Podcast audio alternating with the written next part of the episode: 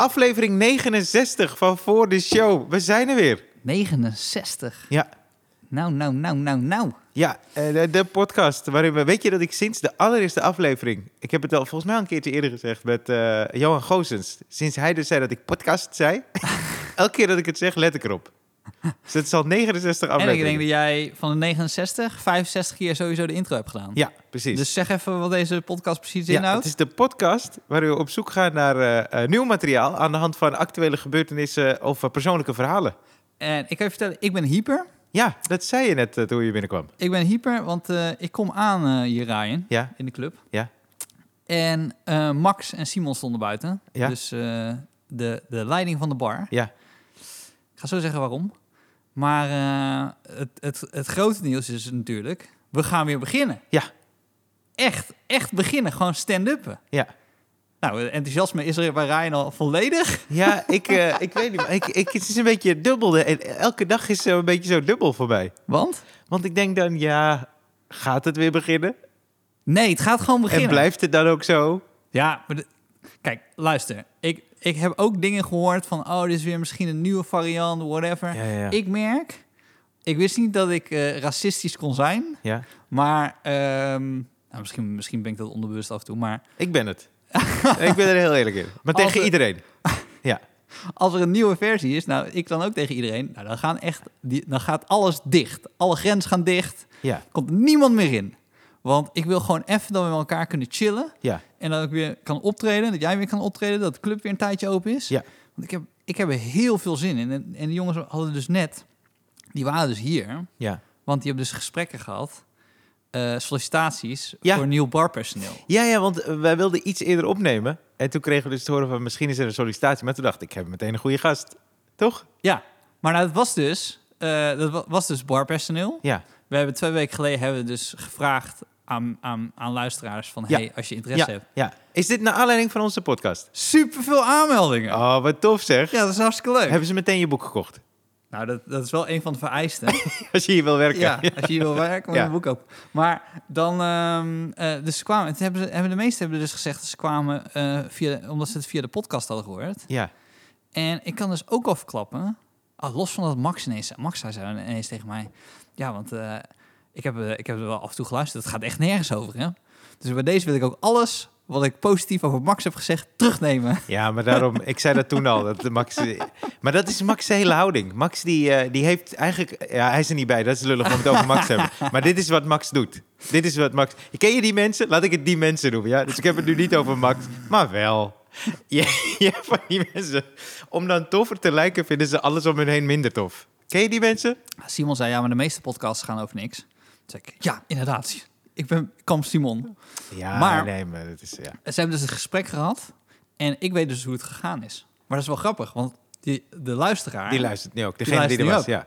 Ik kan zeggen dat er twee, drie goede tussen zaten. Van de Ah, acht. Oké. Maar Ja. ik ga niet zeggen wie. Maar misschien zijn er nu... Ik denk dat alle acht denken, ik denk dat ik het was. Ik denk dat ik wel goed ging. Ja. Heb je wel eens een slechte solli- sollicitatie gehad? Eh goeie vraag. Eh, nou, eigenlijk sollicitaties gingen altijd wel goed, ja. Ja, Oké. En waar lag het aan dan? dat het goed ging? Ja. Omdat ik eh, altijd wel makkelijk kon lullen dan, tijdens zo'n sollicitatie. En En, kreeg je de baan dan ook? ja, vaak wel. Maar het waren Welke geen, heb jij niet waren geen hoge functies. ik ben niet directeur van iets of zo. Nee, ik kan, eh, bij sollicitatie ben ik volgens mij altijd wel aangenomen. Maar dat kwam ook omdat er een leraar op de middelbare school eh, eh, tegen me zei... volgens mij heb ik dat wel eens verteld, maar dat is zo'n goede tip. Dat als mensen dan zenuwachtig zijn voor de sollicitatie, zeg ik dat er altijd bij. Hij zei, de meeste mensen die kijken wat ze komen halen, maar ze vergeten wat ze komen brengen. Jeetje. Vet, hè? Deed die filosofie? Nee, maar eigenlijk wel. Maar dat, dat is altijd het ding, want je moet dus ook denken... ja, maar ik, kom, ik, ben een toe, ik zou een toevoeging voor het bedrijf moeten zijn. Ja. En dat moet je ook uitstralen dan. Ja. Ja, en, maar, dus je, maar je bent ook wel een keer afgebeld dus? Volgens mij niet. Nee? Oh, jawel. Heb ik dat niet verteld? Jawel, jawel. Eh, toen, eh, eh, ik weet niet of dat een sollicitatie is. Toen wilde ik werken bij een, eh, bij een eh, cd. Ik, ik, ik hield van cd-winkels. Er was zo'n cd-winkel. Nu voelen we echt 90s. Ja, ja, de mensen, de helft van de luisteraars, cd-winkel. Wat is dat nou weer? Free Record Shop. Ja, dat was dat? huge. Dat was Dat huge was heel toen. groot, Free Ja. Record Shop. Ja. En, ehm, Eh, ik wilde daar eh, werken in de zomer, want dat was echt mijn eh, lievelingsding. Waar kwam ik? Dat is mijn Ja. lievelingswinkels waren dat. En eh toen heb ik gesolliciteerd. Maar ik ging aan het einde van de zomervakantie even op vakantie. Ja. Eh, en dat vond die eh, gast niet oké. Die man eh, voor wie het was, toen zei ze nee, dan maar liever niet. En toen heeft hij in plaats daarvan een vriend aangenomen. Of tenminste, een jongen die bij mij in de buurt werkte. En toen zei ik, oh wat tof dat je hier werkt. En toen zei hij, ja, ja, ja, ik ga wel op vakantie. Eind van ja, maar dat vond hij helemaal niet erg. Einde van zo'n vakantie. Toen dacht ik, oh wauw. Want dat is dezelfde reden waarom ik niet ben aangenomen. En ja, dus dat was heel gek. Maar toen heeft hij dus super... die gast, hij woonde bij mij in de buurt. Hij heeft superveel cd's gestolen. En parfum, dat werd er ook gekocht. En toen was hij gearresteerd. Jezus. Ja. Ik, mijn favoriete... Dus die man had een foute keuze gemaakt. Dat is eigenlijk wat ik... eh, Heb jij, heb jij dan zo'n periode gehad dat je altijd naar de cd-winkel ging en dan cd'tjes luisteren? Ja, ja, ja, zeker. Dat is ook raar. Dat kan je ook niet meer voorstellen. Maar dan had je dan in een cd-winkel... Dat is geen Spotify of zo, Dat is geen Spotify. Ja, dus man. als je een cd wilde kopen, dan zei je... Ik wil deze cd even luisteren. En dan ging je dan luisteren. Ja, En dan zei je van... eh, nee, dit is hem niet. Of ja, dit is hem wel. ja. Maar wat je eigenlijk heel vaak deed, is gewoon een cd'tje luisteren in de winkel en dan ging je weer weg. Ja, ja, ja, ja, ja. Dat deed ik. Ik- kan niet iedere week geld om een cd te kopen. Ik heb één keer meegemaakt dat ik eh, bij de... eh, volgens mij was het Discoland in Zandam. En toen was er een vrouw die... die Discoland. ja, ken je dat? Nee. Oh, ja, misschien alleen in Zandam, weet ik veel. Maar die, die was... eh als een luisteren, maar die was keihard aan het meezingen met alles. Want het was The Greatest Hits van Michael Jackson, History, CD 1. En die zat zo keihard... I'm starting with the man. En die deed gewoon alles, hè? Helemaal mee, elk nummer. En toen was het klaar. En wat zei ze ook veel te hard, met de koptelefoon nog op. Ik ga even kijken of hij eh, goedkoper is bij de Free Record Shop. en als het eh, niet zo is, kom ik hem hier halen. dat vond ik zo tof, zo eerlijk. Ja, Eh, mijn favoriete aflevering van Married with Children. ja. Kijk dat eens. Ik kijk het zeker, ja. Married with Children is... Ik denk dat Married with Children dusdanig niet meer kan. Zeg maar qua grappen. Ja, Nu. Eh, dat het echt typisch 90s is geworden. Toch? ik wil het weer kijken, omdat ik dus vaak van mensen hoor, die het dan nog wel af en toe kijken, dat het wel goed geschreven was in die setting. Hoe heet die, hoe heet die hoofdpersoon ook weer? Ed O'Neill, Ed Ted. Bundy. Ik heb daar een goed verhaal over. Oké, please. Eh, laat ik eerst zeggen wat mijn favoriete aflevering was, want zo kwam ik erop. Ja. Ehm de ha- aflevering en hij, hij wist een nummer niet meer. Mhm. En dan ging je langs bij een, eh een CD-winkel. En, dan, en dan, het enige wat hij deed was... Het ging ongeveer zo. En hij... "Mhm, him. En dan gingen al, allemaal CD-winkels langs. En ik moest elke keer zo hard lachen als hij weer ging zingen. Dat hij... "Mhm, him. En that's it. Dat was... een ja, nou goed, je, maakt niet uit of je die aflevering kent. Nou, Maar welk liedje was het nou? dat weet ik niet meer. Ja, Dat nu, ik hier kan ik niet tegen. dan wil ik het weten. Dat was Man in the Mirror. Nee, dat kan niet. Dat kan niet. Dat gaat niet zo. Mhm, Man in the Mirror. nee, maar uh, oké, Married with Children, Ed O'Neill, die speelt later dus in, in Modern Family. Dat is echt een lul. Wist je dat? In het echt. In het echt. Oh? Dus eh, dat, eh, eerst dacht ik van niet. Maar ik had een, eh, ergens tijdens corona had ik zo'n, zoals iedereen het kent, zo'n YouTube doorklik moment dat je alles kijkt. En deze interviews met Ed O'Neill, dat je denkt, wat heb ik hier aan? Nou, nu heb ik iets aan. Ik, Ik kan het nu over vertellen. Ja. Dus eh Married with Children ging over familie. Ja. Eh, nou, laten we zeggen dysfunctional family. Mhm. Een beetje tokkies. Ja. Hij werkte in een schoenenwinkel. eh, had een hele mooie dochter. Eigenlijk van, nou mooi, geil. Was, ze ging echt voor seks. Een klein bij de hand ventje. Ja. En ehm, hoe heet zijn vrouw ook weer? Peggy. Peggy. Ja. Maar ze hadden ook een buurvrouw. Darcy. Darcy. Ja. Wist jij dus dat hij en Darcy eh, eh, Married with Children af en toe regisseerden? Oh, nee. Darcy regisseerde Afleveringen. afleveringen van Married with Children. Darcy gaandeweg, Married with Children, Ja. vond dat het vrouwenvriendelijk was. Ja. Nou, het was ook Valt was eh, zeker wat voor te zeggen. heel vrouwenvriendelijk. Ja. Heel vrouw. Daarom zei ik ook, dat, kan je nu niet meer maken. Mhm. Dat is echt heftig, heftig eh, vrouwenvriendelijk. Super grappig. Super grappig. Ja. Dus, nou goed. Wil ik ook bij, bij zeggen, ik heb wel heel hard om moeten lachen. Ja. Nou, dus, maar Darcy ging steeds verder en verder. En die hebben dus ruzie gekregen. Die hadden altijd ruzie op de set. Op de Darcy en, en, En in de, serie ook. in, in hij de maakt serie haar ook. altijd belachelijk. Hij maakte haar Ja. altijd belachelijk. In de serie had zij een relatie met een man. Eh, In het echt had zij een relatie met een vrouw. Ah, oké. Zoals lesbisch. Ja. En eh, toen gingen zij trouwen. En toen was Ed O'Neill was niet uitgenodigd. Nee. Eh, en dat vond hij raar. Eh, waarom hij niet uitgenodigd was. En eh, toen eh, ging hij naar haar toe en zei hij... Waarom heb je me niet uitgenodigd? Dus zegt Darcy, zei zo van... Ja, weet je wat het is? Ed, ik, ja, kijk, ik, ik weet zeker dat als ik jou had uitgenodigd...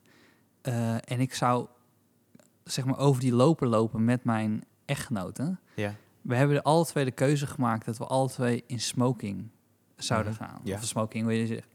Gewoon een, een, een, bruidegompak. Ja. Dat is niet smoking. Nee, hoe zeg je dat? Gewoon een, nou, een pak. Ja. Gewoon een pak. Ja. Zouden alle twee een pak gaan. Mhm. Zij zegt zo, ik, ik, ik, ik had, heb het gevoel dat als ik jou had uitgenodigd en ik was daar eh, overheen gelopen, dat jij de hele tijd had moeten lachen. Dus eh, Ed zegt zo, Darcy, luister. Hij zei niet Darcy, zei anders, maar Ja, ja. dat, niet of hij weet. Dat zou heel, Ja, dat ja. zou al ASO Altijd zijn. Darcy noemen, ja. Altijd Darcy noemen. Dus Ed O'Neill zegt zo. En in, in- dit is ook het mooie van het interview. Zijn antwoord, dacht, ik dacht heel erg dat hij één kant op ging. Dus dan zegt hij, luister Darcy, hoe, wij kennen elkaar al zo lang. Als ik naar jouw bruiloft was gegaan en jij houdt echt van die vrouw... en jullie kunnen- komen alle twee in een smoking aangelopen, of in een pak... Luister, tuurlijk zou ik keihard gaan lachen. Jeetje, jeetje, Mina. Wat een idioot, Ja. joh. Toen dacht ik, bij, dacht ik meteen, hij is, gewoon, hij is gewoon die gozer van Married with Children. Maar, Maar hij, het klonk heel erg dat hij zou zeggen van, ja, ja, ja. tuurlijk stap ik er overheen. Ja. En aan het eind zei je, tuurlijk was ik gaan lachen. Dat is toch hartstikke grappig, dat jij, met, dat jij en een andere vrouw in een pak komen aanlopen en dan gaan trouwen. Nou, dat staat, eh, is een interview uit 2005 of 6 of zo. Ja, En daarin zegt hij daarna, zegt hij zo, weet je waarom ik eh, eh, altijd boven die discussie met haar heb gestaan, boven die ruzie? Omdat ik, als ik naar de producent was gegaan en had gezegd, het is zij eruit of ik eruit, moest zij eruit. moest zij eruit. Ja. En dat heb ik nooit gedaan. Om aan te geven dat hij een goede gast was. Ja, maar ja, even los van dit. Misschien, eh, ja, lagen ze elkaar gewoon echt niet tijdens die hele serie. Nee, ze lagen elkaar helemaal ja. niet. Helemaal niet. Dus het, het klopt, eh, gewoon Ja. die verhouding klopt ook. En maar zij regisseerde dan ook de rest, hè? Ah, maar dat, dat liet hij dan wel toe. Ja, ja, blijkbaar. Ja, misschien heel vervelend. Misschien is hij heel vervelend. Maar hij is ook, ik vind hem ook echt goed in Modern Family. Ja, hij is, heel, hij is een goede acteur. Ja, is echt een goede hij acteur. is een hele goede acteur. Ja. Ja. Ik vind dat, dat vind ik heel knap. Dat iemand zeg maar, want hij was gewoon, eh oh, ik zei Ted Bundy, het is El Bundy. Zijn net Ted? ja, volgens Oh, mij wel. nee. Oh, Ted Bundy is eh, iemand anders. Nee, die was is- pas vervelend. Ja. Die zou niet op zo'n trouwerij eh, komen, ik. Maar eh eh El Bundy, dat hij dan zo'n, ja, eigenlijk voor, voor het tv-serie zo'n iconische rol, toch? Is Ja. dat? Maar dat hij dan daarna zich eigenlijk soort van helemaal op een andere serie stort en dat het zo groot is. Dat kunnen maar weinig eh, acteurs, man. Had jij, heb jij series, want dat was dus... Vroeger zag mijn dag een beetje zo uit. Ik ging naar de middelbare school, Ja. dan kwam ik thuis Ja, en dan ging comedies kijken. Op eh, Veronica was dat destijds en eh, toen was het tijdens Jorin geweest. ja. Gek, hè? En ineens weer terug. En toen Zo. ineens weer terug. Jorin, toen werd, werd ook dus... het was toch zo'n persdag. Er is een kaart uitgelachen dat ze Jorin heette. Oh ja? Ja, dat weet ik niet op urine ur- in, in Oh, het Engels. urine. Ja, ja, Ja. ja. Maar ehm, eh, eh, mijn leukste serie die ik altijd keek was ehm eh, News Radio. Is dat, met wie was dat ook weer?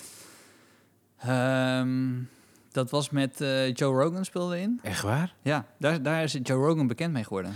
met Oh, News bij- Radio. Bij mij door Fear Factor. oh, dat is daarna. Ja. Dat kwam daarna. Ja, ja. En hij en, en ehm, oh, kut, veel, veel, veel nog iets. Hè, kut. Nou goed, maar dat. En nu wordt dat gezien als een van de, eh, van de betere comedies uit die tijd.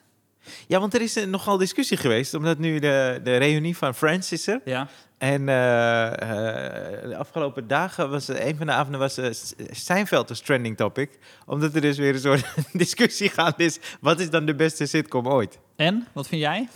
Goeie vraag. Ik heb, wat ik eigenlijk van Friends vind. Nou, is- jij gooide hem ook wel een beetje op. Doe nou niet Goe- alsof- Goeie vraag, eh Steve. Jij stelt goede vragen. nee, eh, maar ik wil het aan jou vragen namelijk. Maar eh, daar vond ik het een goede vraag. Ik heb zelf ook het bedacht. Maar ik vind...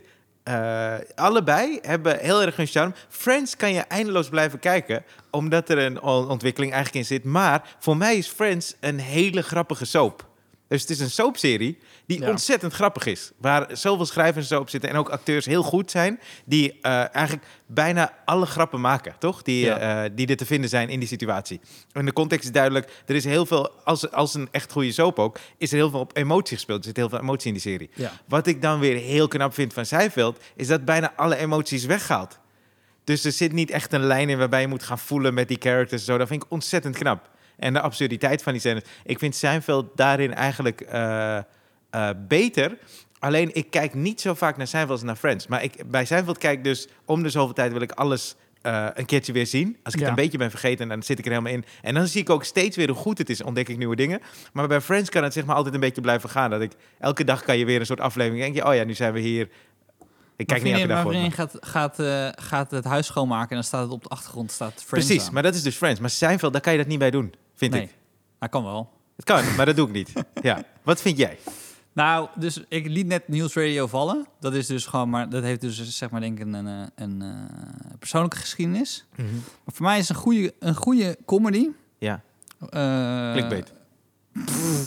Nee, we hebben het nu over eh, Amerikaanse sitcoms. sitcom. ja. Sitcom. Dus sitcom, eigenlijk voor mij staat eh Curb Your Enthusiasm op één. Eh, dan lang niks. Ja? Ja. Oh? Ja. En waarom? Eh, omdat ik daar het gevoel heb dat alles waarin ze misschien... Ik heb het gevoel dat Seinfeld vaak tegen Larry David zei... Ja, heel leuk idee, maar laten we het niet te ver doortrekken. En bij Curb heb ik het gevoel, it's all out. Gewoon, ze, gaan, ze gaan gewoon helemaal... Ze maken alle grappen. Mhm. En bij Seinfeld heb ik soms het gevoel dat eh, het... ehm, nou, hoe Seinfeld zelf ook een beetje is. Dat, dat je de, eh, gewoon een beetje belegen af en toe. Ja, ja, ja. Ja? Ja, en ook dat de afleveringen eh, meer rond zijn, toch? Misschien? Ja. Nee, meer- nee, dat is, dat, dat is de Curb Enthusiasm, ook- eh, Enthusiasm ook. Ja? Maar dat vind ik zo knap aan, aan, aan Curb. Dat heb ik wel echt wel geleerd met schrijven. Ja. Wat Curb gewoon doet. Je deed nu een met je hand schrijven alsof ik niet weet wat schrijven is.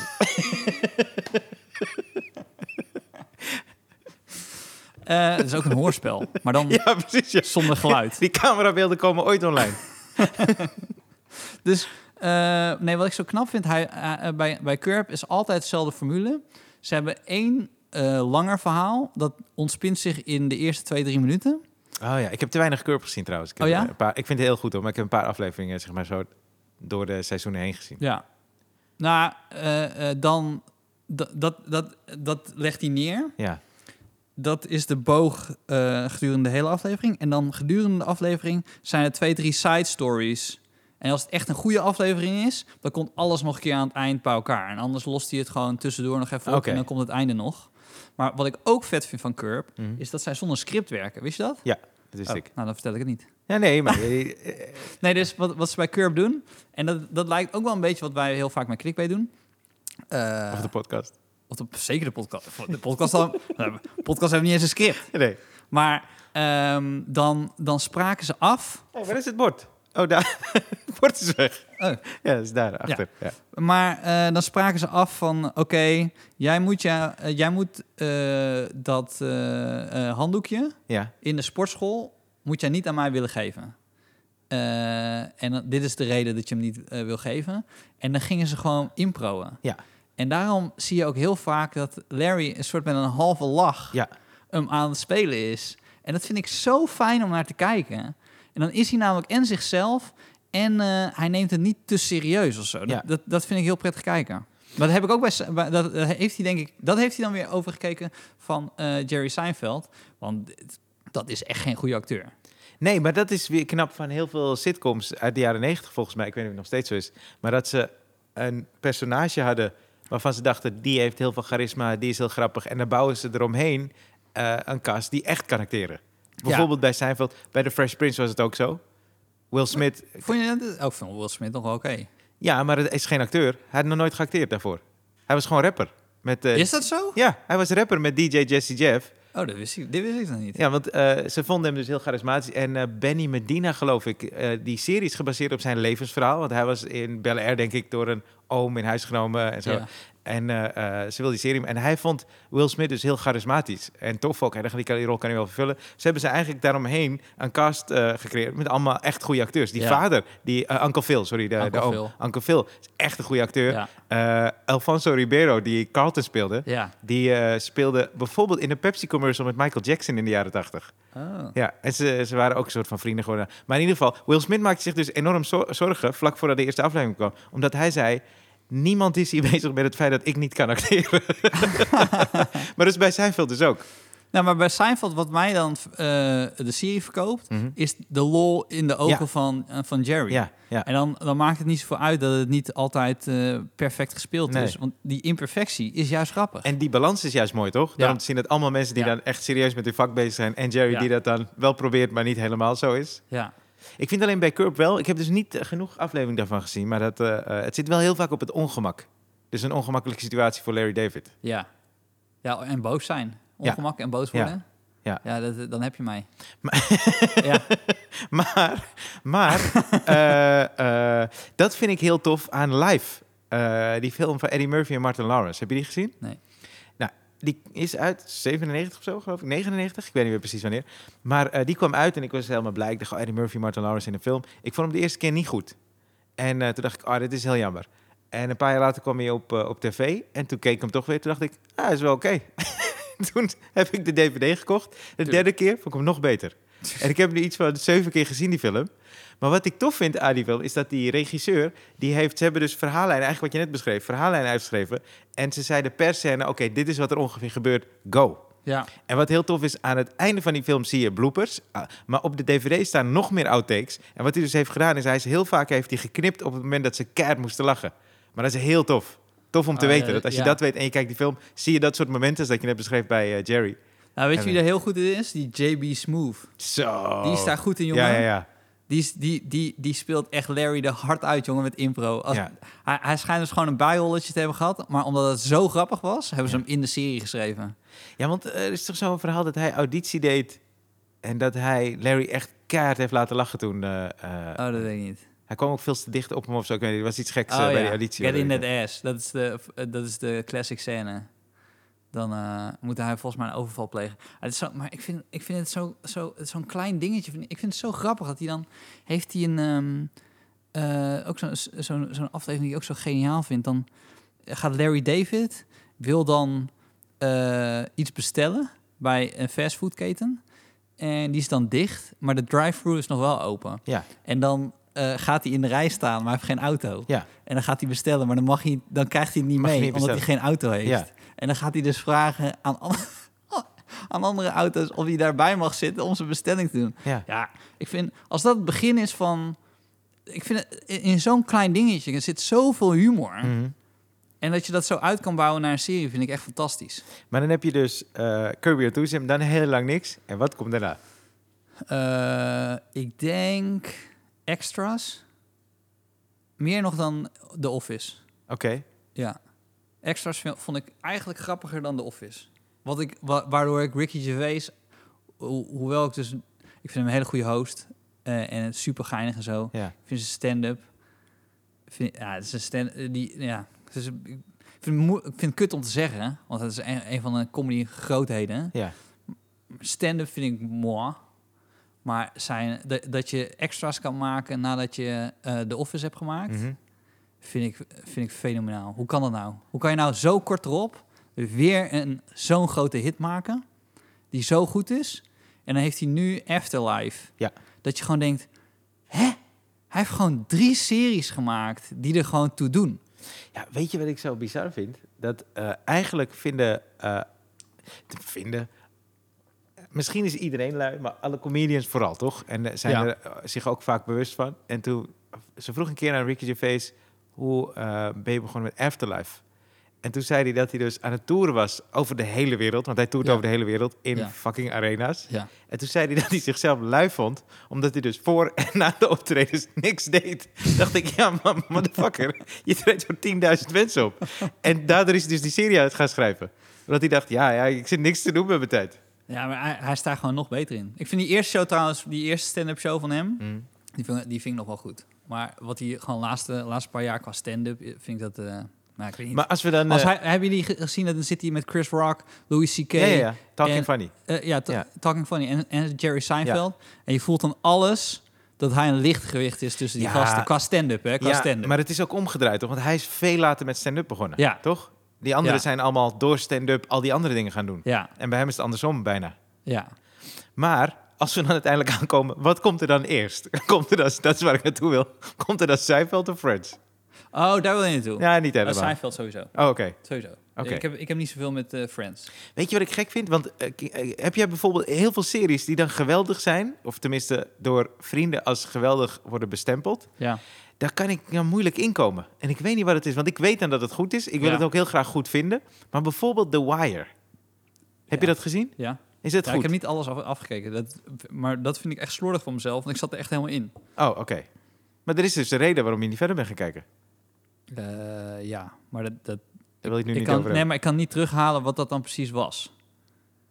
Dat weet ik niet meer precies. Oké. Ja, maar ik- Wire, wat, wat vond je niet goed aan The Wire? Ja, niet goed. Ik kwam er gewoon moeilijk in. Ik heb drie afleveringen gekeken. dacht ik, ja, ja, ja. Maar ik zit dan de hele tijd waarschijnlijk net als de Sopranos te kijken. Maar dit is het beste ooit, dus kom maar op. Ja. Misschien verwacht ik dan te veel. Ik vind het zo vervelend dat nu het gevoel als er dan een nieuwe serie uitkomt, dat ik hem nu meteen moet gaan kijken, want anders loop ik achter. Ja, maar het Zo ik denk, nadeel... het heeft geen haast, toch? Ik bedoel, Klopt. Maar het nadeel daarvan, dat, dat ondervind ik vaak. Bijvoorbeeld met The Wire Ja. en ook met Homeland. Want iedereen die ik ken, die zegt dan, oh, Homeland, Homeland. En ik ben aan een paar... Maar toen dacht ik, het is leuk. Maar als ik, mij hier, als ik hierin ga investeren, emotioneel... Ja, dan ben ik nog zeven seizoenen zoet. Of hoeveel Ja. seizoenen er ook zijn. En dat is veel. Ja. Dan ben ik veel tijd en het gaat lang duren. dat heb ik eh, gedaan met eh, Game of Thrones. Ben je Ik niet had, er niks, ik had er niks mee. Nee, en toen niet. op een bepaald moment dacht ik bij mezelf, nou, ik moet het gewoon kijken, want iedereen heeft het erover. Mhm. En toen heb ik in één keer zes seizoenen zitten kijken. En? Eh, nou, wat ik vet vond is qua schrijven. Mhm. Dat is ook weer. Dat, ik, ja. Ik vind het zo moeilijk dat ik tegenwoordig, als ik, ik zit nu uh, zat ik een andere serie te kijken met mijn vriendin. En ik, ik kijk zo erg naar scripts nu tegenwoordig. Ja. Is zo'n beroepsdeformatie. Kan er niet eens meer normaal naar kijken. Eh, dat je denkt, oh ja, tuurlijk, dan gaat nu dit. Nu zal wel ongeveer het einde komen, want zo is het opgegaan. Nou, vind ik jammer. En dat vond ik het enige wat, ik, wat mij echt bleef hangen in die eerste paar seizoenen van Game of Thrones ja. is dat die schrijver totaal scheid had aan alle regels die je op zou zetten qua ehm, hoe bouw je een personage op en eh, wie is je hoofdpersoon. En had hij scheid aan. Dan maakt hij ze gewoon dood. Op een bepaald moment, als iedereen dacht, dit is de hoofdpersoon, maakt diegene gewoon dood. Denk, oh, nu gaat het goed komen met deze. Nee, gaat hij ook dood. Ging wel, dat trucje deed hij best wel vaak. Dat geef ik eerlijk toe. Ja. Maar ehm, dat, dat was wel dat ik elke keer weer niet wist wat ik, waar ik naar keek. Waardoor je dus blijft kijken. Omdat je denkt, wow, hij, hij neemt... Ja, ja. ja ik, eh, misschien is het ook een soort fase hoor. Dat ik soms in de serie. You vond ik. eh, was ik wel ineens helemaal mee. Die serie You. Weet ik niet. Maar eh, eh, bij heel veel series denk ik, ja. Ik snap wel dat die schrijver eh, dit gewoon wil rekken. Hij wil gewoon. eh, Ja, dat heb ik nu. Dat is, dat is met heel veel series Ja. nu. Dat is met heel veel series. en dan heb ik liever een film. Ja, maar dan denk ik, dat heeft een begin en een eind. En over Ja. twee uur of tweeënhalf uur zijn we klaar. Het lekkerst vind ik als er staat limited series. Ja, precies. Dan denk ik, Ja, maar let's dat- go! Ja, Prison Break. Ik keek Prison Break. Keek je dat Ja. ook? Nee? Oh, dat vond ik, eh, seizoen 1 vond ik fantastisch. Maar die eh, eh, creator, eh, Paul Scheuring heet hij geloof ik, Ja. die zei, het, het was volgens mij oorspronkelijk 16 afleveringen of zo, 18. Hij zei, dit is de serie, er komt geen seizoen 2. Dit is het. Dit is, zo is het bedoeld. Ja. Toen dacht ik, oh, dat is de shit. Nou, wat denk jij? Ik denk dat ze Paul hebben gebeld. Ja, er kwamen nog wat seizoenen hoor. Paul die dacht, nou, misschien komen ze vrij. maar misschien ook niet. En ineens werd alles gerekt. Dat is zonde. Er zijn echt series aan kapot gegaan. Lost is eraan kapot gegaan. Eh, eh, eh, nou, dus ik, ik Prison Break heb ik niet gezien, maar... Nou, The Zijn- Night Off had het over. Hè? Dat is gewoon een serie van, wat is het, zes ja, maar dat is, afleveringen? al- dat is andersom. Dat is dus een Ja, limited serie. ja. Dat, is, dat is perfect. Ja. Dat vind ik echt Dat is perfect. heel fijn. Ja. Ja. Ja. maar ik merk ook dat ik dan, als ik weet dat, misschien is dat ook een beetje vervelend voor mij, dat ik weet dan dat er zeven seizoenen van zijn. En dan denk ik, ja, ik ga niet helemaal meeleven met jullie, joh. Maar zou jij dat ook hebben met stand-up comedy? Dus dat je op een bepaald moment denkt, nu weten mensen wat ik maak. Ja. Dan moet ik wat anders gaan maken. Ja, zeker. Ja? Ja, ja, ja. Doe je dat ook eh, dan bewust? Ja, ja, ja. Oh, maar ook van mezelf. Ik, eh, Ja. Voor afgelopen jaar was ik eh, best wel vaak in tv-programma's of daar werd ik Ja. geïnterviewd. Op een gegeven moment werd ik moe van mezelf. Ja. En dacht ik, ja, dan doe ik het gewoon even Ik heb niet eens meer alles kunnen kijken waarin jij zat. Ik ook niet. ik ben er ook op een gegeven moment niet meer gaan Is hij zitten. nou nog, nog steeds niet dood? Waarom is dit geen limited series? Limited series met... Ja. Nee, maar ik werd daar zelf dan ook moe van. Dus eh, volgens, mij, maar volgens mij is dat heel gezond. Eh, Ja. en dat heb ik ook met wat ik maak. Ik denk, ja, ik wil niet de hele tijd hetzelfde doen. eh, en of, of ik zou dan stoppen. als ik echt Ja. moe- of ik zou iets anders... dat vind ik tof aan Prince. Hou je van Prince? Ja? Hem werd vaak gevraagd waarom hij niet meer dingen als Purple Rain maakte. En toen Ja. zei hij, dat heb ik al gemaakt. Ja. Dus als je dat wil luisteren, nou, luister het album. Ja. Maar ik ben daar niet meer. En ik had zo'n eh, boek gelezen van... eh, Bob Dylan heeft het ook. Was hij, was hij akoestisch, ging hij elektrisch. Ging iedereen zeggen, ah, waarom ga je niet akoestisch? Ja. Dat heb ik al gedaan. Ja, precies. En het is wel, het, maar het is wel weer knap als je, dat, als je jezelf kan uitvinden, Ja. zoals Prince. Want Ja. ik heb het idee dat bij Michael Jackson nooit helemaal... eh, En ik vind eh, al zijn albums wel echt tof hoor. Maar dat het hem nooit helemaal gelukt is. Om zeg maar, want Nee. in zijn hoofd had ik het idee dat hij Thriller wilde Hij overtreffen. was ook wel echt met andere dingen bezig, hè? Schijnt. Schijnt. Maar, ehm, nee, dat is, maar dat is altijd zo'n vraagstuk, toch? Er zijn ook mensen die zeggen van... ehm, oh, Hans Theo doet elke keer hetzelfde. Of Joep van het Hek doet elke keer hetzelfde. Eh, waarom doen ze niet iets anders? En ehm, dat, aan de ene kant snap ik het. Aan de andere kant denk ik ook vaak van... ja, maar hij, is, hij of zij is gewoon geperfectioneerd in wat diegene doet. Ja, en eh, mensen willen het zien. Ook Ja. nog. Dus het is niet zo dat de vraag ineens dan... eh, Plus, als jij iets lekker vindt of, of iets leuk vindt... en twintig jaar later hetzelfde precies nog... eh, Ja. die stijl nog steeds het leuk vindt... eh, dat is ook een kleine kans ergens, hoor. Want eh, ik kan me voorstellen dat toen in de jaren negentig... mhm. de eerste pro- programma's die ik zag van, van, van Joep van het Hek... zo Scherven en eh, een paar oudejaarsconferences... Dat, was echt, dat vond ik echt wel leuk. Nooit heel groot fan geweest, maar vond ik echt, echt, echt leuk. En later vond ik dat niet minder leuk. Maar dat is ook omdat je gewoon nog meer comedy smaak hebt gekregen. En dacht, oh, dat ligt meer bij mij. En als hij gewoon hetzelfde blijft doen, ja, dan moet hij, ja, doe lekker gewoon, toch? Ik bedoel, het is niet... eh, Ja, ja. Waar het voor mij vervelend zou worden, is als ik mijn eigen trucje door zou hebben. Dat is ook ver. En volgens mij heb jij dat... eh, je vertelde dat een keer dat als je een set maakt... dat als hij dan af is, dan snap je het wel of zo. Dan ja, heb je hem dat wel. heb ja. ik standaard, ja. ja, ja, ja. Dat is mijn probleem met programma's schrijven. Dat ik, ik maak hier een set van 15 min- minuten. Dat is bijvoorbeeld het stuk waarbij ik... ehm, volgens mij heb ik dat niet online gezet nog. Wat wel chill is, dan heb ik dat stuk nog. Ja. Maar dat stuk over ehm, eh, eh, die ruzie die ik krijg met die eh, jongen van... wat kijk je? Stukje, weet je nog? Dat ik, ja, ja, ja. eh, ik heb een ruzie met een, met een jongen die zegt: Wat kijk je, wat kijk je? Ja. Nou, daar heb ik een stuk over op de fiets. En eh, dan heb ik dat. Ik, dat duurt me ongeveer een maand of twee, drie. Dan heb ik het geperfectioneerd. Dan heb ik een, stuk of vijf à tien keer dat ik het echt lekker vind, dat ik hem kan spelen. ja. Om een soort van perfectieniveau dat je denkt: lekker. En daarna hebt het bij mij weg. En wat ik bij veel collega's hoor, dat ze juist daarna het heel leuk vinden, omdat het heel erg in hun vingers zit. Ja. Maar ik merk dan aan mezelf, ah, ik wil weer een nieuw stuk schrijven, man. Ik ga wel weer gewoon een nieuw stukje schrijven. ja, dat zei je, ja. Ik weet dat mijn manager, die zat bij mijn tweede show. En een, een paar weken na mijn première. En toen zei hij, maar je hebt je hele show weer helemaal omgegooid. Je hebt Ja. allemaal andere stukken erin gedaan. Ik zei, ja, maar dan vind ik, dan vind ik het weer leuk. En toen zei hij, ja, maar dan klopt, dan klopt de voorstelling niet. En daar had hij helemaal gelijk in, weet je. Mhm. Je, kan niet, je kan niet ineens iets anders maken, omdat jij er gewoon zin in hebt. Je hebt ook te maken met een publiek en, Ja. en een programma. Ja, zeker. Maar bij mij, ik vind het gevoel altijd heel belangrijk. Daarom wil ik het dus ook niet eh, doorhebben per se. Maar als, als die op... Voelde het kloppend op, op dat moment voor jou, die voorstelling? Ehm, ja, maar ik kan me ook herinneren dat ik... Maar dat, dat is geen goede graadmeter. Ik had eh, zo'n optreden in, eh, in, eh, op Vlieland, Ja. eh try-out. En toen had eh Koos Terpstra, de regisseur, had gezegd... nou, maar dan vraag je toch gewoon aan het eind wat mensen ervan vonden. En toen vroeg ik wat mensen ervan vonden. En toen ging ik daarna uitleggen wat ik ermee bedoelde. En toen zei een vrouw, maar nu snap ik niet meer wat je bedoelde. Terwijl net toen de voorstelling deed wel. Dus eigenlijk, je hebt heel vaak in je hoofd als, als maker... Dat, je, dat ik denk dat jij weet... Nee, dat ik denk dat jij mijn voorstelling op, op die manier ziet. Maar jij ziet hem gewoon... zoals jij hem ziet. Maar volgens mij was dit alles de taak van je regisseur. nee, serieus. Want je gevoel moet wel kloppend worden, toch? Dus Ja, maar als mijn gevoel blijft veranderen, dan blijft mijn programma ook veranderen. En Ja. dat is best wel lastig hoor. Ja, als het, als het eh, elke week is. of ik weet niet hoe vaak dat dan gebeurt. Maar er moet dan wel een manier zijn ergens waarbij je misschien een soort ruimte hebt waarbinnen je, hem kan veranderen. Ja, Dat is wat ik wel vaker doe. Want mijn voorstelling die verandert wel een klein beetje. ja. Ik hou hem, en ik, elke avond wil ik hem anders kunnen spelen. Eh, eh, dat is niet helemaal anders natuurlijk. Maar dat, eh, alleen als de kern blijft staan, dan weet je dat het gewoon wel goed staat. Stabiel Ja, toch? ja, ja, ja. Dat zou een beetje het ding moeten zijn als hij eenmaal vast staat. Had jij dan bepaalde stukjes in je programma dat je dan koos, daar mag ik dan weer nieuwe dingen doen? Ja, ja eh, op een plaats toch bedoel je? Ja, zeker, Ja. zeker. En als ik iets had dat ik gewoon echt leuk vind. Ja, ik kan het niet... Want eh, daar hebben we ook volgens mij collega's van... die dan denken, oh, maar dat bewaar ik dan voor een volgende show. Dat zou ik misschien doen als het echt, echt een kern had... die niet bij die voorstelling... Maar ik heb eigenlijk altijd het gevoel dat ik denk, dit is leuk man. Dan liever nu. Ja. En dan eh, Ja. probeer ik het passend te maken. Dus dan eh, ga ik naar Vlieland, vraag ik of die vrouw het snapt. Ik denk, een volgende voorstelling, dat, ik bedoel, ik ga echt nog wel een voorstelling Was het op. Vlieland, zei je trouwens? Op Vlieland? Ja, ja, ja.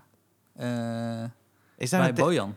Oh Heb je ja. dat was gespeeld? Nee, ik heb in Vlieland gespeeld op... eh, hoe heet dat nou? Eh, Zo'n camping. ja, de Heb ik ook Stortenmelk. wel gespeeld, ja. Ja, heb je daar Ja. gespeeld? Met eh, René van Meurs en Tex de Wit. Ik ga daar eh, deze zomer weer heen. Ja? Ja. Is optreden of gewoon eh, nee, op- chillen? ja, nee, ik ga optreden, ja. Nee, ik heb... ik heb... Nou, dat is dus iets... Dat kan ik wel even, dat, laten we dat nu even bekendmaken dan. De kaartverkoop is begonnen. Voor eh Toemler? Ja. Oké. Dat, dat begint... Dus zeg maar, als dit wordt Ja, uitgezonden... ja, ja. is het al twee dagen aan de gang. Ah, dus ja, ja. eigenlijk ben je al te laat. Ja. Ja, ik wist het niet bij de vorige. Nee, ik wist het ook niet. Maar de kaartverkoop is begonnen. Ah. En eh, dus eerst voor, voor 30 mensen. En dan, maar dat, dat is ook wel kut hoor, want dan, dan mag je niet even komen kijken. Hoe bedoel je? Nou, oh, wij? Ja, ja, ja. Dus- Ja, dat is kut. ja, dat is jammer hè? Ja, want ik moet heel veel... eh, als de theaters open gaan, moet ik heel veel eh, theateroptredens inhalen. Ja. Waar ik heel veel zin in heb. Maar ik wil hier ook spelen. maar dat is dus lastig te combineren. Want dan kan je dus niet even binnenkomen droppen. En, Ik heb een beetje een dilemma. ja, weet niet, dus niet het dilemma van deze week, maar... eh, ik, ik wa- was toch een paar weken geleden was zo heel ziek. Dat ik toch die voorholteontsteking. Nou, toen was, lag ik ziek op bed. je ziet er weer helemaal gezond uit trouwens. Want dat viel me Ja. toen wel op een paar weken geleden. Ja, ik was afgevallen Ja, ja, Ik was know. echt 5, 6 kilo achter. Ik ben er nog steeds er- aan het aansterken. Je zag er ook echt vermoeid uit. Ja, toen. thanks. Ja. ja, nu zie je er ja. Ik zit nu kwark en zo te vreten en eh, McDonald's, al, alle shit die jij eh, hebt gelaten. Ja. Maar, Wil je ehm, New York pizza pas? Ik heb zo'n ga- gold pas. Ja, geef maar mij, ja. ja. Maar zeg, wat ben jij licht geworden? Wat voor therapie heb jij gedaan? Ja, precies, ja. Dat je, eh wat ga ik zeggen? Die, ehm, oh ja, dus ik had met mijn vriendin erover. Dat ik zei, ja, misschien moet ik nog heel eventjes wachten met optreden. Niet zozeer omdat ik echt bang ben dat ik corona krijg en daar iets aan overhoud. Mhm. Maar als ik er weer uit lig, we hebben een, kind van anderhalf en, een, en ik heb een zwangere vriendin die in augustus bevalt. Ja. Dus als ik er even uit lig, of zij ligt er even uit, dan ligt er echt even uit, uit. Zeg Ja. maar, dan, moet ik, oh, dat is, dan moeten we echt veel shit regelen. Ja, ja, Je mag niet naar de crash en zo. Mag je, dus eh, toen eh, had ik gezegd, nou, ik- dan ga ik gewoon per 1 juli optreden. Ja. Dat is een beetje de... Dat deed je vorig jaar ook. Is dat zo? Ja. We gingen in juni open en toen begon je in juli. Oh ja. Nou, moet je even terugluisteren of dat zo was. Maar Ja, volgens mij wel. Ja. Kunnen. Of mei en juni, weet ik niet. Maar dan wil ik heel even zeggen dat ik, Ja. dus ik wil heus wel voor 30 mensen. Ik wil heel graag, ik wil zo graag optreden, jongen. Ja. Zo graag. Echt zo'n heel. Ik heb een bestandje gemaakt eh, van de week Ja. Eh, met wat ik allemaal heb. Ja. En eh, mijn handen jeuken, man. Allemaal dat ik denk, ik wil weten of dit werkt, of deze opening Ja, hè? kan. Fijn, hè? En eh, wat het raar is, je hebt natuurlijk wat dingen geschreven. Maar het moeilijkste vind ik om die stukken dan samen te voegen en het naturel over in elkaar te lopen. En de eerste paar keren dat je op gaat treden, dan doe je een onderwerp. Dat heb je dan geschreven. En dan Ja. heb je een volgend onderwerp. En dan denk je, kijk op het podium wel wat het bruggetje is. Ja. Dus doe je het eerste onderwerp en het gaat goed. Waardoor je met een lach een bruggetje kan maken naar het tweede onderwerp. Doe je tweede onderwerp. Het tweede onderwerp gaat helemaal niet goed. Waardoor je aan het einde van het tweede onderwerp komt er dan zo'n zo'n Harde cut. een harde cut. Ja. En dan moet je zo. Nou, eh, dus eh, wat mij dus ook eh, gebeurd is. Dat is zo'n dat is zo'n vervelend moment. Dat is echt zo'n slinger er weer aan moeten geven.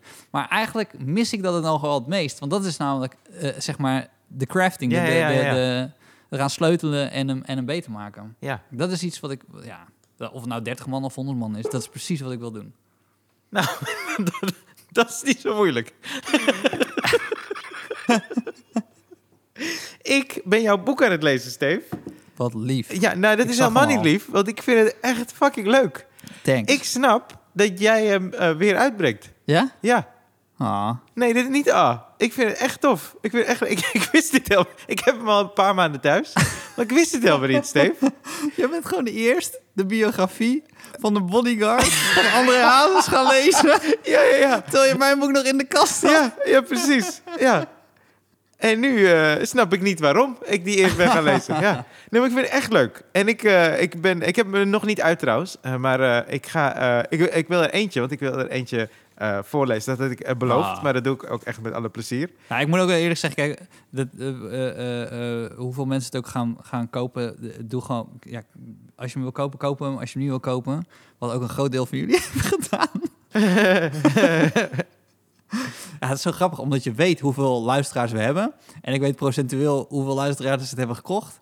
Er is nog een marge over, laat, Ja, maar zeggen. kijk, ik zei dat ook volgens mij vorige keer, was het aan de telefoon of zo, dat onze luisteraars luisteren naar ons. Of is- tenminste, nee, is ook zo. eh, Je ja. moet daar ook niet rancuneus over zijn. Nee, want eh, zij, zij eh, leest niet omdat wij twee schrijvers zijn, waarvan ik niet wist Nee, dat, jij er een ding was. is? Mijn vriendin zei zo, ja, weet je, Steve, misschien moet je wel oppassen met grote bek hebben, zo tegen NPO en, en overal kankeren. Want ja, iemand moet ook de hypotheek betalen. ja. en laat ik, zeggen, laat ik zo zeggen, de parkeerkosten van de podcast heb ik eruit met het boek. Oké, dat is heel fijn. Ja. Maar ik wou Ik- heel even hier zeggen, Frans Klein, echt topgozer, jongen. Love you, boy. Ja, maar dit is ook niet wat je vriendin bedoelde, denk ik. nee, ik vind, ik heb, maar die houding, ik vind het wel tof. Ik heb wel altijd het gevoel dat ik dat op het podium kan doen. Ah, dat had veel beter geweest als dat het gaat. Ja, maar, dat, maar ja, goed, dat kon niet, hè? Dat kon niet. Dus ik snap je ook wel. Maar ik zou dat veel... Ik heb heel veel dingen eh, geschreven. Dat is wel... Ik heb nu in deze... Tijdens de avondklok... Ik heb heel veel geschreven... waarvan ik dan denk... Ja, dat kan ik dan niet meteen in mijn voorstelling doen. Dat zou echt een nieuwe voorstelling eh, moeten zijn. Maar goed, heb ik Oh, dat zou je dan niet nu in Toemelen gaan doen? Maar Oh, je wel in Toemler, zeker. Oh, wel in Toemler, maar ja. dat is dan ter voorbereiding van mijn nieuwe voorstelling. Want dat ga Ja. ik... eh, in november ga ik daarmee... Wacht even, dus die voorstelling waarmee je in première wilde gaan, Ja. Die laat je vallen. Nee, ja, die speel ik tot en met september. Tot en met september. Als het kan. Dus als Ja. alles weer dicht gaat, speel ik hem niet meer. Maar serieus? Dus Ja. je bent niet in première gegaan? Nee. Dat ga je nog wel doen tussen nu en, en september. Nou, dat heeft niet zoveel zin meer. Maar eh, eh, Wat ga je dan met het materiaal doen? ik speel hem gewoon tot en met september. En ik ga hem waarschijnlijk wel opnemen. Ja. eh, als het kan. Als, als de theaters open zijn. Maar ik wil niet... Maar hoe voel je je dan nu? Ja. Dat je dat hebt gemaakt en dat je niet weet wat je ermee doet? Ja, ik, ik, daarom wil ik hem wel opnemen. Maar ik vind het op zich niet zo'n ramp. Omdat ik, ik hou er niet van om heel lang mee te sleuren. Nee. Want ik Nou heb ja, dat, dat, dat, eh, geloof ik meteen. Ja, want eh, Dat voel ik. een deel van onze collega's denkt nee, maar dan stel ik het gewoon uit zo. Maar ik, bij mij is het, het is één gevoel en ook een momentopname waar ik dan ben. En eh, nu, zeker met wat er afgelopen jaren en zo is gebeurd, ik wil niet de hele tijd dat ding meeslepen eh, waar het niet meer eh, lekker voelt voor mij. Nee. Eh, want dan kan ik het ook niet goed brengen. En dan voelt het voor mij ook een beetje oud. Ja. zo. Ja. Dus dan heb ik liever dat ik iets totaal nieuws maak. En eh, ik heb dat namelijk bij mijn eerste voorstelling gehad. Toen doe ik er volgens mij 2,5 seizoen mee of drie. Ja. En dat laatste half jaar dacht ik, ja, ik ben wel toe aan iets anders. En sindsdien wil ik, bij mijn tweede was het ook volgens mij twee, tweeënhalf seizoen, ik weet niet. Maar toen dacht ik, ik moet er eigenlijk mee stoppen vlak voordat ik er klaar mee ben. En bij mijn derde voorstelling had ik dat. Had ik bewust gedaan dat ik hem niet een heel seizoen nog doorspeelde. Maar volgens mij een half seizoen na de, eh, in de reprise, ik weet niet, zoiets. Maar eh, toen, toen ik klaar was, dacht ik, oh, ik zou hem nog wel even willen spelen. En dat gevoel wil ik altijd hebben. Ja, ja, ja. Dus eh, dat wil ik. eh, maar terug naar je boek. Ah, Ja. Maar nee, het is, geen, het, is echt, het is echt leuk, Steve. Het is echt tof. Ik vind het echt cool. ik heb wel een beetje het gevoel dat het zo'n soort van stichting is. Stort, stort geld. Nee, nee, maar dat is, ja, maar dat is dus, daarom moet je, dat is het dus niet.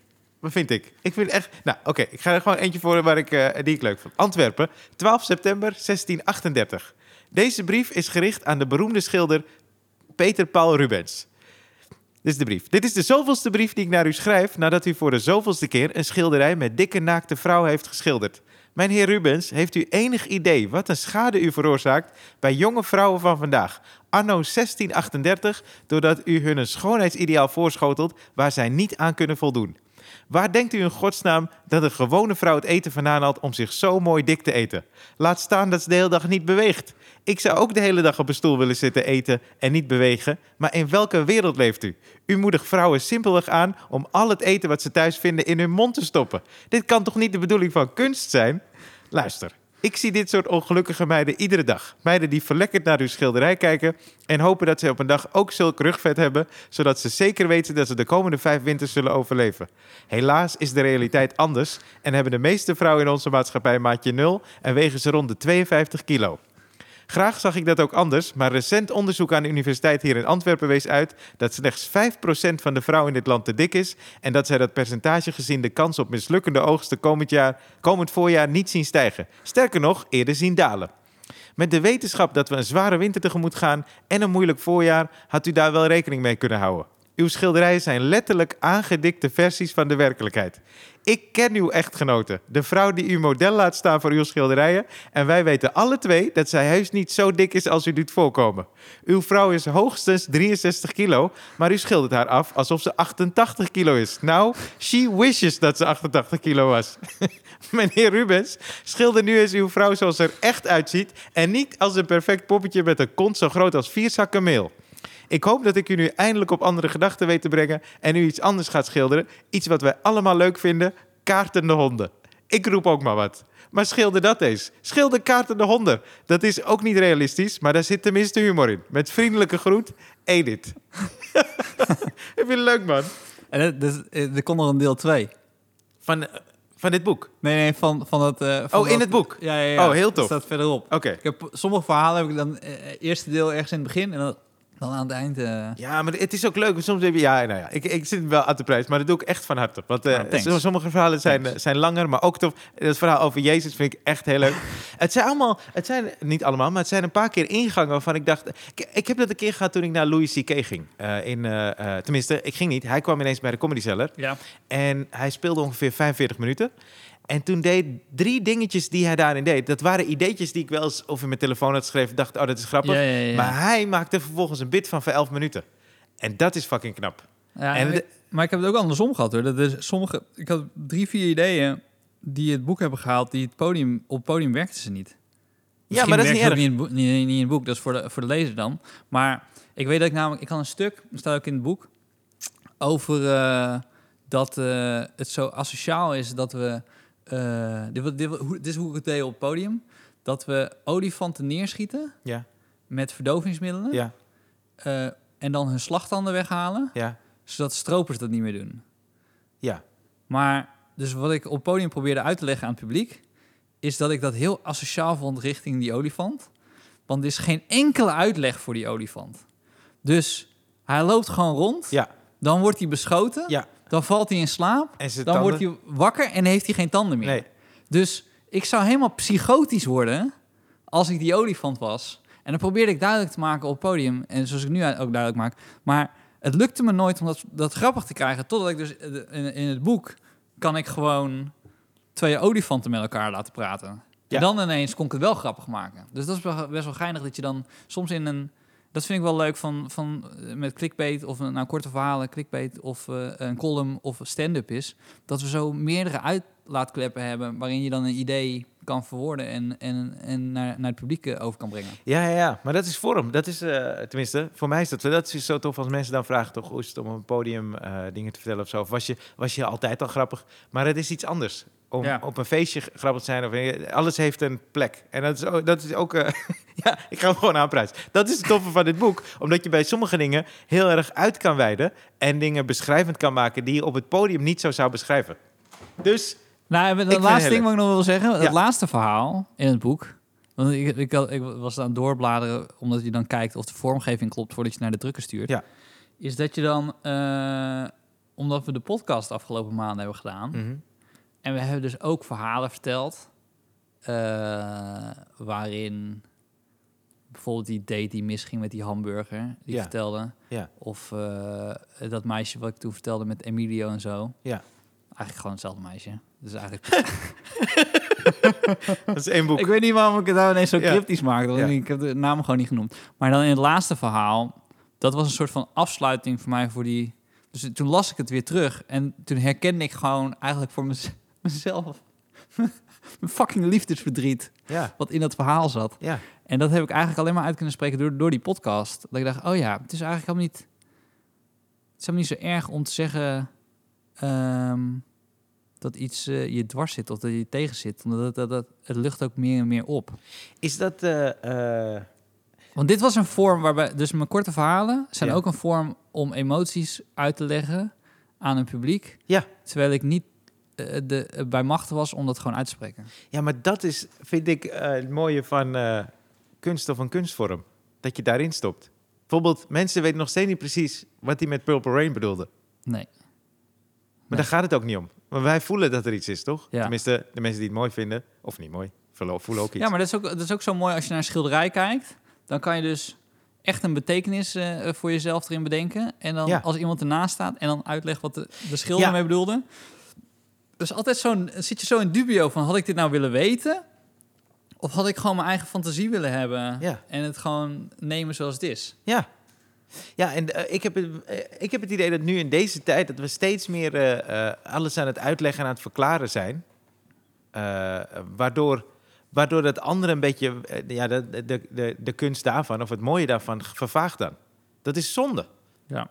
Want laat Ja. het gewoon over aan, aan de interpretatie. Ja, maar dat is, dat, is, dat is de ziekte van de tijd, toch? Dat we alles Zeker. willen benoemen en Ja. alles een mening willen hebben. En ehm, terwijl eigenlijk eh, moet je gewoon zeggen, ik vind het gewoon mooi. En dan zeggen we, waarom vind je het mooi? Dus je denkt, ja, ik hoef niet uit. Het, het zit er gewoon ergens in. Ja. Het zit- ik voel er gewoon iets bij. Ja. Zeg, ja, maar wat is dat dan? Ja, ja, weet ik veel wat dat is. ja, dat moet je voelen. Dat moet ik voelen. En, en daar ben ik mee bezig, intern. Ik hoef Ja. nog- nu, als je me nu al meteen vraagt om het te analyseren... En dat vond ik dus zo leuk, om dan weer iets terug te lezen en denken... oh, nu kan ik wel mezelf analyseren, omdat ik verder ben. Maar als je me toen had gevraagd, wat bedoelde ik met het laatste verhaal? Ja, weet ik veel. Had ik een of ander lulverhaal opgehangen. Ja, maar dat is toch mooi. Dat eh, op een gegeven moment heb je dat dan verwerkt, of, eh, of weet ik veel. Dan Ja. be- ben je in ieder geval op dat niveau om, er, om het erover te hebben. Ja, nu zou ik gewoon zeggen tegen die Stefan... hey, ga gewoon even naar de meisje toe en zeg gewoon... Wat, wat, je zo kut eraan vond. In plaats van dat je een heel verhaal erover Ja, maar dan hadden we het boek niet gehad.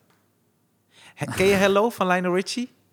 Ja. Het liedje? Eh, Echt, Rijn, als ik nu nee had gezegd. Moet je nou, je kan, het kan. Ik, eh, ik maak gekkere dingen mee, Steve. maar, eh, Nee? Hoe gaat die dan precies? ja, nee, maar Hello, die heeft Lionel Richie ooit geschreven omdat hij te verlegen was om op meisjes af te stappen. Of op een meisje af te stappen. Nou, als hij dus niet verlegen was, had hij Hello tegen haar gezegd. Wisten wij nu hoe het liedje ging. Toch? Oftewel, wat ga jij schrijven, Ryan? Binnenkort. Eh, hello 2. nee, maar ik, heb, ik, ben er, ik ben er zo trots op, luisteraar. Beste luisteraar. Ik heb gewoon al... Ik ga niet zeggen hoe lang trouwens. Dan is het ook ineens heel sneu. Want als ik zeg twee dagen, is Ja. het sneu. Als ik zeg een jaar, is het ook heel sneu. Ja. Is dat ik tegenover een single eh eh Ryan Pandey zit. ja, Ik had deze week, eigenlijk nou, deze week. Ja, voor de luisteraars niet deze week, omdat het iets later wordt uitgezonden. Ja. Nou, Rijn, met dit weer word je sneller verliefd. ja zo- dan klopt alles, hè? Toch? Als het alles. weer lekker is. En, eh, Ja, mag ik nog heel even, we gaan niet zo over verder, maar ik wil nog heel even over het boek. ja. Eh, las ik het goed voor? Want dat lijkt me namelijk, als ik het lees, en dat is het toffe ook, omdat ik, ja, ik ken je nu veel ja beter. ik wist jouw timing met You Wish ja, was gewoon goed. want ik hoor jou gewoon dit voor, als ik het lees. Ik hoor jouw stem, wat het veel toffer maakt. Nou ja, ik, ja, ik hoop het. Maar deed ik het goed? Ja ik, ja, ik vond het heel leuk. Oké, ik ook. Als in, ik vind het ook leuk om... ehm, want ik, ja, ik ken niet alles meer uit mijn hoofd. Eh, ik zag ook... na- eh, eh, ja, zo kunt je zegt dat je door je eigen boek heen aan het bla- bladeren was. Ja. Ik heb dus dat... Het is zo'n verhaal over een jongen... die ehm, op de motor, toch? Het uitmaakt. Nee, dat ben ik nog niet. Nou, dat vertel ik al niet. Oké, nee, is goed. Maar ik snap wel dat je dus... eh, eh, ik, ik vind het ook bal hebben. Dat je eigenlijk denkt, weet je wat, dat boek is... eh, wanneer is het ooit uitgekomen? In, welk jaar was dit? 2014. Ja. En dat jij denkt, fuck it, te weinig mensen hebben dit kunnen lezen. Ik ga het gewoon zelf uitbrengen. Nou, het was meer... Ja, nou, Vind ik. Ja, Ik ik, vind dat- niet. Nou, maar ik snap wel dat je hierachter staat. Ik sta, dus, ik sta Ja. er 100% Ja, maar dat vind ik dus gangster. Dat je denkt, fuck it. En ik vind de nieuwe, ook de nieuwe cover is mooier dan deze cover. ik heb de oude versie. Wie heeft dit ontworpen? Ja, de uitgever, die kwam eh En wie ermee. heeft- En die nieuwe? Eh, vriend van mij. Die is beter, vind Ah, ik. thanks. Ja. Thanks. Ja. Maar- Mikko Kuiper. Die foto van Sascha de Boer is top. Die had, die had ook op de voorkant gemogen van mij. ik had gewoon die oude foto gelaten. Dat is echt gangster. Ja, met je haar omhoog. Nee, maar er waren ook mensen, de, de mensen vroegen ook naar het boek. Dus dat was ook een reden dat ik het uitbracht. Het is niet Ja, dat ik... eh, ja. Maar nee, ik vind het Nee snap, leuk. eh, nee, maar ik snap dat als je... De, want kijk, je hebt ook mensen die, die vragen naar iets... en dan denk je, ah joh, laat me zitten. Er zijn er ergens nog een paar bij Scheltema. Maar dit, ik snap echt dat je hier nog steeds... Ik zou hier ook helemaal achter staan. Want ik vind het echt tof om te lezen. En misschien was je ook... Want het ene verhaal dat je vorige keer voorlas... Ja. Ja, dat was gewoon te vroeg dan. Want het is Oh, ja. helemaal van nu. Ja, nou, ik had, ik had, maar dit was, maar dat, dat komt een beetje samen met waar we het in het begin over hadden. Ik had na mijn tweede programma dat ik geen zin had om nog een programma te schrijven, meteen een paar maanden later en dan weer twee jaar te gaan toeren. Ja. En toen dacht ik, ja, fuck it, ik ga gewoon een boek schrijven. Ja, heel tof. En eh, toen dacht ik, ja, erop, kut, ik heb geen geld meer. Want eh, eh, dat was, ik, heb, ik heb een jaar vrijgenomen voor het boek. Ja, En hoe ging dat schrijven? Ging je elke dag schrijven? Oké. Ik had een kantoortje bij, op Museumplein. Oh, ging daar schrijven. En eh, je krijgt ook bij eh, de uitgever krijg je dan eh 1,50 euro per boek. Ja. En ik had denk ik eh 1300 boeken verkocht. Oké. En dat is dan nou, negen maanden werk had ik daar aan of zo. En ik kan wel een beetje af en toe tra- trad ik op in Toemler. Maar ik eh, weet nog wel dat ik dacht zo, kut, sorry. En toen zei die uitgever, wil je niet nog een boek schrijven? Want 1300 is hartstikke goed. Ja, Maar maar... dan realiseerde ik me ineens Ja. hoeveel, hoe weinig schrijvers verdienen. Dat is Ja, echt ja. absurd. Ja, en Dat hoeveel, hoeveel boeken eruit komen, hè? Hoeveel boeken eruit komen. Zijn Maar daarom zijn het allemaal celebs tegenwoordig die een boek uitbrengen. En dat dat eh, eh, verkoopt. Maar het is hartstikke sneu. Als je, ik bedoel, zeg maar voor ons als comedian, wij kunnen nog wel wat geld maken misschien met, met optreden. Omdat je een mic hebt en dan heb je meerdere optredens en zo. Mhm. Maar, nou ja, ik, ik wil alleen maar zeggen, stel dat je voor de zomer bij een boekhandel staat en je kiest een boek uit. Kies alsjeblieft een boek uit van een schrijver die je nog niet kent. Een Nederlandse schrijver, want je steunt hem echt ermee. Ja, en als hij Dan dan... gaat maar toef- 1,50 euro oprecht, hè? Het is niet dat ik het nu aan downplay ben. Dus Nee. 1,50 tussen de 1,50 en 1,80 krijgt die, die jonge schrijver. En als die jonge schrijver toevallig de bodyguard van André Hazes was... ik heb de highlights heb ik al wel volgelezen. Ja. nee, maar tof, man. Ja, Heb jij een dilemma? Eh, momentje. Want jij zei twee weken geleden tegen mij, Ja, ik kan voordat niet we gingen meer- opnemen... Ik, ik had er eentje, maar die, die ga ik nog Ik kan opzoeken. die niet meer vinden, man. Ik heb echt, ik heb echt gezocht. Ik vind het zo jammer. Maar, eh, kijken. Ja, ja ik, kan, ik moet wel ook de stilte vol lullen. Ja, ja, ja, precies. Sorry. Ja. Want anders gaat er een, een, een noodsysteem af. Nou, in dat geval, ik heb een, heb ik dit, volgens mij kreeg ik een, shit. Zo zie je maar dat eh, Ryan single is en ontzettend veel berichten krijgt. daar, zit hij, daar zit hij trouwens echt op te wachten. Dus kunnen, Dit is niet, ik plug jouw boek, jij plugt mij. Nee, weet je, oké, weet je wat we doen? Want wat, ik ga wat- anders... wie- welke mensen moeten, moeten reageren op jou? De mensen die jouw boek gaan bestellen. Oh, dat ik een hele Ja. goeie. Stefanpop.com. Dus Maar, met mijn boek, als je mijn boek koopt, krijg je een date met Ryan Pandey erbij. Nee, nee, nee, dat Dat is krijg je- ontzettend... dat krijg je zeker. Precies dezelfde mensen die hier kwamen solliciteren vanochtend. ja, precies, ja. Eh, eh, nee, weet je wat ik doe? Want ik, we kregen, eh, ik kreeg een dilemma dat eigenlijk leek op de vorige. Eh, van die, het laatste die we hebben behandeld. Maar het dilemma dat ik zoek, dat vond ik echt goed. Want het was namelijk van een... eh, eh, oh, misschien wil je hem opnieuw... dat is een goeie. Ik vraag of hij die even opnieuw is. Er was een, een jongen die maakte animaties. Ja. En die zat met het dilemma. Hij maakte hele vette animaties. En dat dilemma kan ik dus niet meer vinden. Maar dat vond ik een hele goeie om te behandelen. Dus ik wil graag, als je luistert, stuur hem alsjeblieft nog een keer. Ik ga Ja. wel weer zoeken. Ik heb alle tijd van de wereld. Tot het theater weer open gaat. Eh, dan ga ik dat doen. En dan doen we die de volgende keer. Want anders dan eh, heb ik een eh, half dilemma dat op de vorige lijkt. Steve, ik ben blij dat je zo happy bent. En zo Ik ben zo happy. Ik wil zo graag optreden, Ryan. Ik wil zo graag weer beginnen. Echt. Ik wil, ik bedoel... En dadelijk zijn we gevaccineerd en kunnen elkaar gewoon een hand geven en, Ja, en een Knuffel. geven. Ja. Ja. Ik, ik, ik- ben wel blij dat ik vorige maand die drie eh Field Lab optredens heb kunnen. Dat is zo fijn. Omdat Ja. ik namelijk... En ik heb daardoor even gespeeld. Maar ik maak me nu ook niet meer... Als de theaters weer open gaan, zit die voorstelling nog een beetje in mijn systeem. Dat is zo Nee, lekker. ik kan ook niet wachten om jou te zien. Oh, man. serieus. Ja, cool. En dat ik we dan over veel nieuwe dingen. hebben. Ja. Ik weet dat, dat jullie ons in de podcast horen, maar ik, ik kijk ook nu al zo uit dat Ryan op zijn bek gaat op het podium. En dat we dan eh, d- daarachter zitten en dan zeggen, dat hij dan tegen jou zegt, nee, het- je was dit stukje vergeten te zeggen. Weet je, ken je dat? Dat je denkt, en dat je dan zegt, oh ja. En dat Nee, ik ken dat niet, Steve.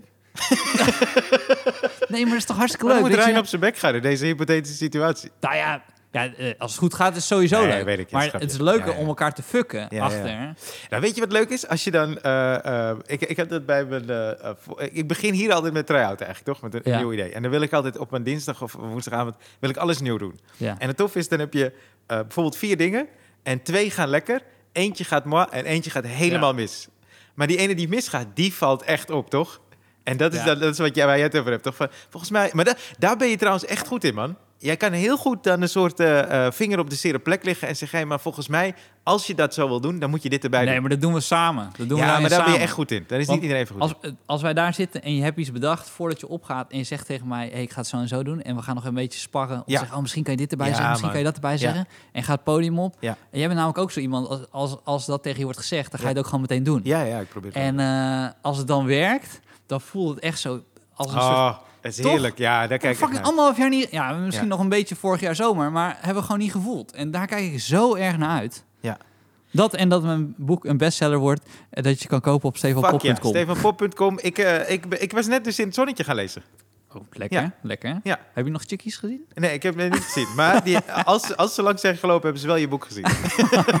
ik, ik maak er reclame voor. Tot eh, volgende week, dan hebben we weer een gast. Ja. Oh, Yes. Ja. Victor Brands volgens mij, hè? En, oh, dat Ja, is tof. Ja, nee, maar ik volgens keek, mij wel. keek even naar Jasper, maar volgens mij wel. Anders is het een keer erop. Ah, dat is echt een goed verhaal. Ik weet dat mensen nu denken, wie de fuck is Victor Brands? En volgende week, of eh, als we hem hebben... Eh, volgens mij, voor de mensen die... Mag ik dan zeggen dat ze kunnen luisteren ergens, dat verhaal? Nou, het is ook wel leuk als hij het nog een keer vertelt. Oké, ja, is goed. Nee, je kan het verhaal nergens luisteren. Behalve hier bij deze podcast. Tot volgende week. Joe. Mm-hmm.